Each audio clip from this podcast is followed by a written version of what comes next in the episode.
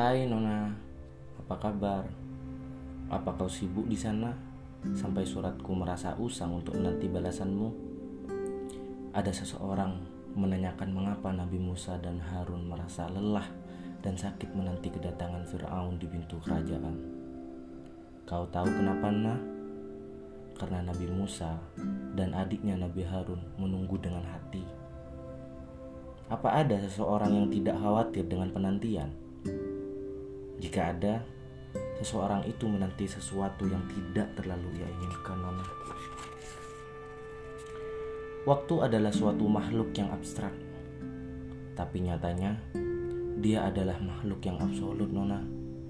Selalu menceritakan misteri-misteri dan rahasia-rahasia yang lama tak terungkap. Waktu akan selalu berjalan, Nona.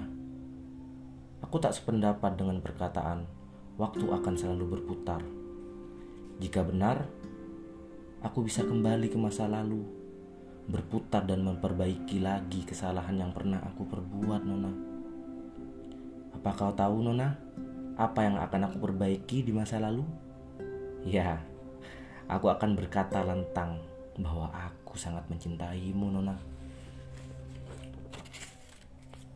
Jika lagi-lagi itu gagal, aku akan mengulanginya beribu-ribu kali.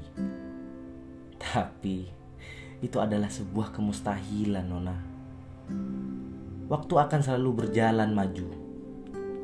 Aku tidak hidup dalam dunia komik One Piece dan Naruto.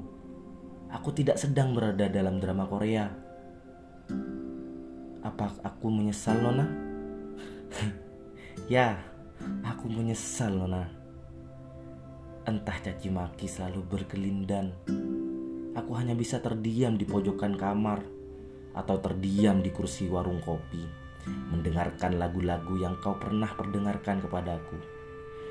Ayolah, Badrus. Dia sudah menjadi perempuan orang lain. Aku mencaci maki kata-kata itu, Nona. Nona adalah perempuanku Aku adalah tuan yang mencintai dan dicintainya sangat. Tapi lagi-lagi itu adalah dunia imajiner yang aku ciptakan, Nona. Waktu akan memberikanku dua pilihan, Nona. Sembuh dari perasaan ini atau malah tinggal untuk mencintaimu, Nona. Aku masih memilih nomor dua. Tinggal untuk mencintaimu, Nona. Kau tak usah khawatir, Nona. Bagaimanapun, mencintai seseorang harus membuat dia bahagia, bukan? Aku ingin melihatmu bahagia, Nona. Walau itu bukan denganku.